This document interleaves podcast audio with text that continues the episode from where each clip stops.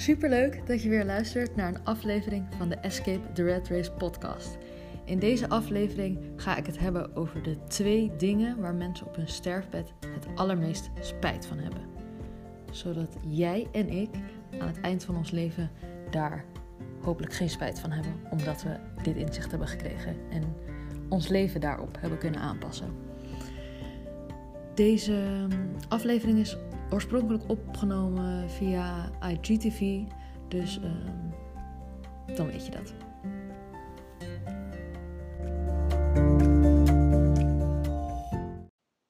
Hoi, in deze video wil ik het met jullie hebben over de twee dingen waar mensen op hun sterfbed het meest spijt van hebben.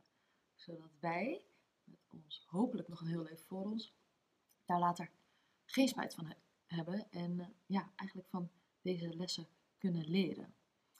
Bronnie Ware, een Australische dame, uh, werkte als verpleegkundige in een hospice.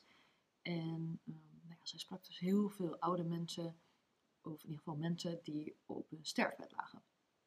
En daaruit, uit die gesprekken, heeft ze superveel geleerd. En daar kwamen eigenlijk vijf grote dingen waar mensen op hun sterfbed het meest spijt van hebben. En dat is dus universeel. Zij heeft honderden mensen op hun sterfbed gesproken. En daar kwamen telkens ongeveer vijf dingen uit die de top vijf haalden van de meeste dingen waar mensen spijt van hebben. In uh, deze IGTV ga ik het vooral hebben over de twee dingen waar mensen het meest spijt van hebben. Maar ik zal ze in ieder geval alle vijf eventjes opnoemen. Nummer 1. Hetgeen waar mensen op hun sterfbed het allermeest spijt van hebben, is ik had gewild ik zou willen dat ik de moed had gehad om mijn eigen leven te leiden, in plaats van volgens de verwachtingen van anderen. Daar ga ik in deze video dus meer over hebben. Twee is, um, ik had gewild dat ik niet zo hard had gewerkt en meer tijd door had gebracht met mijn geliefde. Nummer drie is, ik zou willen dat ik de moed had gehad om mijn gevoelens te delen. En je kunt je wel voorstellen dat, um, ja, dat dat een issue is, omdat veel mensen toch bang zijn om hun ware zelf te laten zien, omdat ze bang zijn gekwetst te worden. Nummer vier is, ik zou willen dat ik contact had gehouden met oude vrienden. Blijkbaar hebben veel mensen op een sterfbed toch spijt dat ze, ja, of die realiseren zich opeens hoe belangrijk het eigenlijk is om goede vriendschappen te hebben en dat zij die hebben verwaarloosd in hun leven en daar dus spijt van hebben. En nummer vijf is, um, ik zou willen dat ik mezelf gelukkig had laten zijn. En veel mensen ja, beseffen zich misschien niet goed genoeg dat geluk zijn ook grotendeels een keuze is. Natuurlijk heb je op heel veel dingen in het leven geen invloed. Uh, en als jou erge dingen overkomen, als iemand overlijdt of als je een bepaalde ziekte krijgt, krijgt als je je baan verliest. Dat zijn dingen waar je misschien zelf, of tenminste grotendeels, zelf geen invloed op hebt. Maar waar je wel invloed op hebt, is hoe jij op bepaalde situaties reageert. En ja, ik herken dat zelf ook heel erg. Dat we soms zo erg bezig zijn met bepaalde dingen bereiken om alles maar mooier en beter te willen. En dat we eigenlijk niet genoeg stilstaan of niet genoeg tijd nemen om gewoon gelukkig te zijn met de kleine dingen in het leven. En daar ben ik steeds meer mee bezig. Om ook gewoon dagelijks gelukkig of stil te staan bij waar ik gelukkig van word. Van de kleine dingetjes in plaats van dat het allemaal beter moet. Maar goed, zoals ik al zei, ik ga vandaag of in deze video voornamelijk focussen op twee dingen. En dat zijn één, ik wou dat ik mijn leven had de moed had gehad om mijn leven te leiden op mijn manier en niet volgens de verwachting van anderen. En twee, ik had gewild dat ik minder hard had gewerkt. En eigenlijk zijn deze twee punten ook precies waar ik afgelopen jaren um, achter ben gekomen. Of tenminste achter ben gekomen. Dat ik niet gelukkig werd om mijn leven te leiden volgens de verwachting van anderen en dat ik niet gelukkiger word van keihard werken. Nou, laten we het eerst hebben over je leven uh, durven leven volgens hoe jij het wil in plaats van volgens de verwachting van anderen. Het is heel logisch om te willen voldoen aan de verwachtingen van anderen. Want als er iets is wat we allemaal gemeen hebben, is dat we heel graag geliefd willen zijn. We willen ergens bij horen. We willen onderdeel ergens van zijn. We willen dat we door anderen geaccepteerd worden. En misschien denk je van nu van nou, dat valt wel mee. Maar ergens diep van binnen verlangen we er allemaal naar om geliefd te worden, geaccepteerd te worden en erbij te horen. En dat komt eigenlijk ook ergens vandaan. Want in de oertijd, of tenminste ja, heel, heel, heel lang geleden, konden we simpelweg niet overleven zonder andere mensen. Als jij ehm, in je eentje erop uitging, of tenminste als jij dacht van hé, hey, fuck al die anderen, ik doe lekker mijn eigen ding, ze zoeken het maar uit, dan stond je er alleen voor. En dan dreigde er veel meer gevaar. Uh, nou ja, als je in je eentje een groep andere mensen tegenkwam die jou wilden beroven. Als je in eentje uh, opeens voor een groep, of een groep, voor een tijger stond, of een beer, of als er vuur was, of überhaupt, hoe kan je je eigen woning beveiligen of je slaapplek als je ook moet jagen? En wat gebeurt er als je nou ja, oog in oog staat met een wild beest? Als je met een groep bent, dan konden de mensen, kon die groep jou helpen bij jouw gevecht met een, met een bepaald dier. Maar in je eentje overleef je het niet. En daarom zijn wij eigenlijk vanaf generaties terug uh, eigenlijk ja, geprogrammeerd om te zorgen dat andere mensen ons leuk vinden. Om te zorgen dat mensen ons aardig vinden en accepteren, zodat we onderdeel van de groep kunnen blijven. En het dus overleven. Want de sterkste kwaliteiten overleven. En de mensen met mindere kwaliteiten, die, hoe noemen we dat ook weer? Generatie op generatie wordt het overgenomen. Evolutie? Ik weet niet precies, maar je snapt hopelijk wat ik bedoel. De sterkste eigenschappen worden steeds meegenomen om, ja, omdat dat de mensen zijn die overleven. Maar vandaag de dag heb je niet per se anderen nodig om te overleven. Kijk, natuurlijk, als jij helemaal in eentje bent en de rest van je leven alleen, dan zal je misschien wel sterven aan eenzaamheid. Oeps. Nee, maar in principe hebben wij tegenwoordig niet per se andere mensen nodig om te overleven. En toch maken we ons bewust of onbewust onwijs druk over wat andere mensen van ons vinden. Hoe ga je daar nou mee om? Uh, lange tijd heb ik me ook enorm druk gemaakt en aangepast aan wat andere mensen van me vonden. En dat deed ik dan misschien niet heel bewust. Maar kleine dingen, bijvoorbeeld alcohol drinken. Als ik geen zin had om alcohol te drinken op vrijdagavond, of als ik geen zin had om te stappen, dan liet ik me toch overhalen. En ik was gewoon heel erg bang om saai gevonden te worden. Dus ik deed maar allerlei dingetjes en dat deed ik dus niet eens echt bewust. Maar ik, zet, ik maakte toch, of ik paste me toch mijn gedrag aan, zodat mensen me niet saai zouden vinden. Dus als ik geen zin had om te, te drinken, dan durfde ik dat eigenlijk niet echt te zeggen. En dan ja, dronk ik gewoon mee, net zoals met andere mensen. En dat lijken misschien kleine dingen, maar als je je continu niet echt doet wat jij zelf graag wil. Um, als ik op een vrijdagavond liever een boek lees dan dat ik ga stappen, en ik doe dat niet, dan raak je steeds langzaam verwijderd van jezelf. En op een gegeven moment ben je zo ver verwijderd dat je eigenlijk niet meer zo goed weet ja, wat je nu, wie je nu bent en wat je nu eigenlijk wil in het leven. En ik merkte dus dat ik me steeds minder gelukkig voelde. En ik wist niet zo goed waardoor dat kwam. En op een gegeven moment ontdekte ik dus dat ik ja, eigenlijk dingen deed omdat andere mensen of omdat de maatschappij dat van mij verwachtte. Terwijl ik daar zelf helemaal niet zo blij van werd.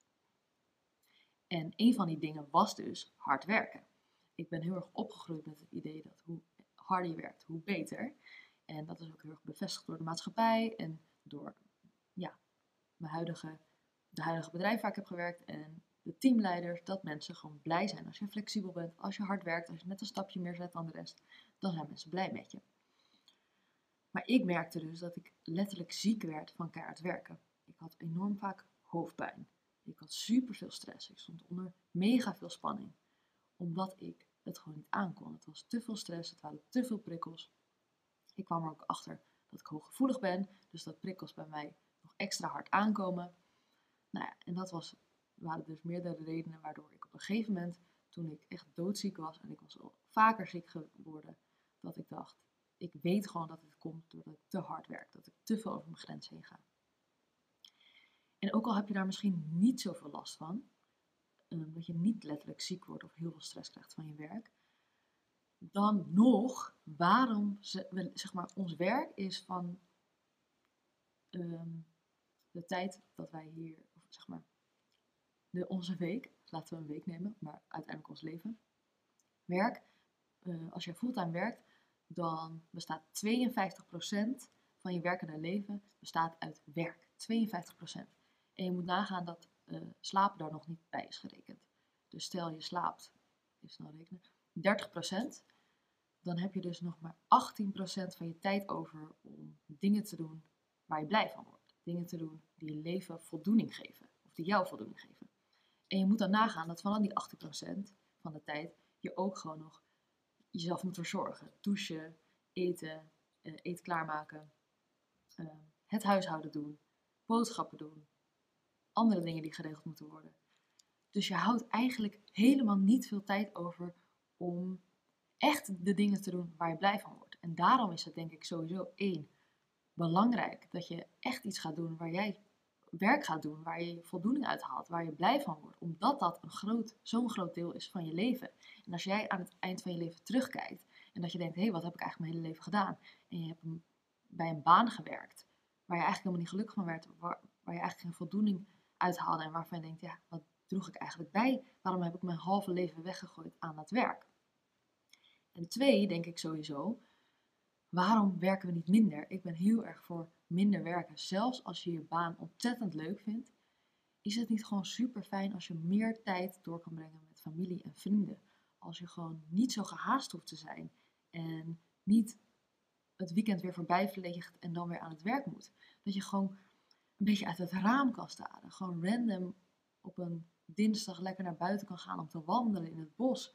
En dat je niet continu bezig hoeft te zijn met werk, ondanks dat je het heel leuk vindt. Nou, en dan nog even terug te gaan naar um, nummer 1, waar de mensen op sterfbed het meest spijt van hebben. Dus verwachtingen dat ze hadden gewild, dat ze de moed hadden gehad om hun eigen leven te leiden in plaats van de verwachtingen van anderen los te laten. Hoe doe je dat nou precies? Want daar ben ik nog niet helemaal op ingegaan. Hoe laat je dan die verwachtingen van anderen los? Want dat klinkt wel heel makkelijk, maar hoe de fuck doe je het? Want zoals ik al zei, we hebben gewoon ergens intern zijn we gewoon onwijs bang voor afwijzing. We zijn onwijs bang dat andere mensen ons niet leuk of aardig vinden. En dan kan het dus best moeilijk zijn om te zeggen, hé, hey, hoe jullie het allemaal doen, super top, maar ik ga het anders doen. En ik heb dat dus zelf ook heel erg gemerkt toen ik bijvoorbeeld uh, besloot om minder of bijna geen vlees meer te eten. Uh, toen ik besloot om minder te gaan werken, vlees eten, fulltime werken, dat soort uh, alcohol drinken. Dat zijn dingen die best wel de norm zijn in onze maatschappij. En als jij afwijkt van de norm, dan hou je onbewust anderen een spiegel voor. Want als jij zegt, hé, hey, ik wil niet meer drinken of ik wil geen vlees meer eten, want uh, ik vind het zielig voor de dieren um, of het is onwijs slecht of belastend voor het milieu, dan hou je andere mensen een soort spiegel voor. Want zij denken, hé, hey, ik doe dit wel, ik wil dit wel blijven doen. Dus blijkbaar doe ik dan iets verkeerd. Um, als ik minder ga werken, omdat ik het gewoon fijn vind, mensen hebben daar mening over. Waarom? Je bent gezond, je bent jong. Waarom zou je vier, drie of vier dagen in de week werken? Je moet toch hard werken, want je bent toch niet lui? En misschien verlangen andere mensen er stiekem ook wel naar om iets minder te werken. Maar werken zij omdat ze denken, ja, ik heb, niet echt iets anders in mijn vrije tijd te doen. Dus ik ga gewoon lekker vijf dagen werken. Of nou ja, lekker, ik werk gewoon vijf dagen, want anders zit ik ook maar thuis op de bank. Dus ergens voelen zij misschien ook de, eh, de, het verlangen om minder te werken. Maar vinden ze dat nog lastig, want er moet geld uh, op de rekening komen. Er moet elke maand genoeg geld binnenkomen om de rekening te betalen. Of ik zou niet weten dat ik met, tijd aan moet. En dan zit ik dus in mijn eentje met al die tijd. En ik weet dan niet goed. Dat voelt dan ongemakkelijk, want ik weet niet wat ik wil met mijn leven. En dan moet ik aan zelfreflectie doen. In ieder geval, er zijn allemaal redenen waarom mensen dat, um, ja, misschien dat verlangen voelen, maar dat niet direct herkennen en daardoor dat op jou gaan projecteren van hé, hey, maar je werkt voor jezelf. Moet je dan niet fulltime werken? Je hebt toch geld nodig? Uh, en überhaupt, je moet toch gewoon vijf dagen werken, want dat is toch normaal? Wat ik heb gedaan om uh, ja, steeds meer mijn eigen leven te leiden en ook te durven, is echt feel the fear and do it anyway. Ga eens en zet kleine stapjes. Begin gewoon ergens. Dus stel jij denkt, of ik kan een voorbeeld geven over mezelf. Ik heb afgelopen jaren heel veel boeken over persoonlijke ontwikkeling gelezen, heel veel documentaires gekeken, cursussen gevolgd, waardoor ik steeds meer een mening begon te vormen over bepaalde dingen. Waardoor ik zag dat er dingen in de wereld gebeurden waarvan ik denk, hé, hey, dat kan ook anders. Zoals minder werken bijvoorbeeld, of vlees eten. En in het begin vond ik het best wel spannend om daar überhaupt met mijn omgeving over te praten, omdat ik merkte wat voor, dat de reacties niet altijd waren waar ik op hoopte. Dus mensen zeiden van, als ik zei van, oh weet je wat het effect is van vlees eten? Op de wereld. En als we allemaal minder vlees zouden eten, zou er zo'n verschil zijn. En dan zijn mensen al best wel snel van, ja, maar ik ga mijn biefstuk niet opgeten. En uh, nou, ook van die reacties van, ja, maar je eentje kan je toch geen verandering maken. Dus je kan het net zo goed niet doen. Niet echt motiverend dus. Maar toch voelde ik ergens het vuurtje branden om hier meer over te praten en om dit met andere mensen te delen en ja, ideeën met mensen uit te wisselen. En op een gegeven moment begon ik dat dus ook op Instagram te delen. En dat vond ik eerst heel spannend. Dus nou ja, ik plaatste een keer een post en kijk gewoon eens, als jij dat zelf dus ook wil doen, kijk eens hoe de reacties zijn. Dus ik deed dat een keer en toen vielen de reacties eigenlijk best wel mee. En toen dacht ik, hé, hey, dan ga ik het nog een keer doen. Nou ja, en dan komen er af en toe reacties die je misschien niet leuk vindt. Maar tegelijkertijd dacht ik, ja, ik word hier blij van. Dus het is belangrijk om te weten, hé, hey, wat zou jij graag willen doen? En probeer het uit, al is het iets heel kleins, zoals iets delen op stories wat je super spannend vindt. Dat hoeft dus, zeg maar, dat voelt klein, maar misschien voelt dat voor jou heel groot. Um, kijk hoe de mensen erop reageren. En ga ook bij jezelf naar, wat doet het met jou? Dus toen ik die dingen begon te delen en men, ik dus interessante gesprek met mensen kreeg, maar ook iets deelde waar, ik in geloofde, werd ik daar heel enthousiast van. En ik werd daar blij van, omdat ik dicht bij mezelf bleef. En toen maakte eigenlijk die reacties van andere mensen maakte ook minder uit. Tenminste, soms vond ik het alsnog echt wel heel vervelend. Maar ik dacht gewoon vooral, ik word er blij van. Ik doe er andere mensen geen pijn mee. Dus waarom zou ik me druk maken? Of tenminste, waarom zou ik me laten tegenhouden door wat andere mensen vinden? Ik kan me er zelfs soms nog steeds wel druk om maken. Dat ik het niet leuk vind. Dat andere mensen er niet mee eens zijn. Of dat andere mensen mij daardoor misschien niet leuk vinden. Maar dan denk ik, het gaat er uiteindelijk om dat ik mezelf leuk vind. En dat ik andere mensen er geen kwaad mee doe. Nou ja, en dat werd voor mij eigenlijk de leidraad. Mijn eigen gevoel. Omdat ik me zo lang niet echt gelukkig gevoeld heb. En soms ook wel ongelukkig zonder dat ik wist waar het aan lag. Dat ik dacht, ik wil gewoon ervoor zorgen dat ik me goed voel. Ik ga voor dingen kiezen in mijn leven waar ik blij van word. Uh, ik ga minder vlees eten. Ik ga minder alcohol drinken. Ik ga um, geen plannen meer maken in het weekend, omdat ik het heerlijk vind om gewoon elk moment van de dag te kunnen bepalen wat ik dan ga doen. Dus ik ga nee zeggen tegen vriendinnen of familie.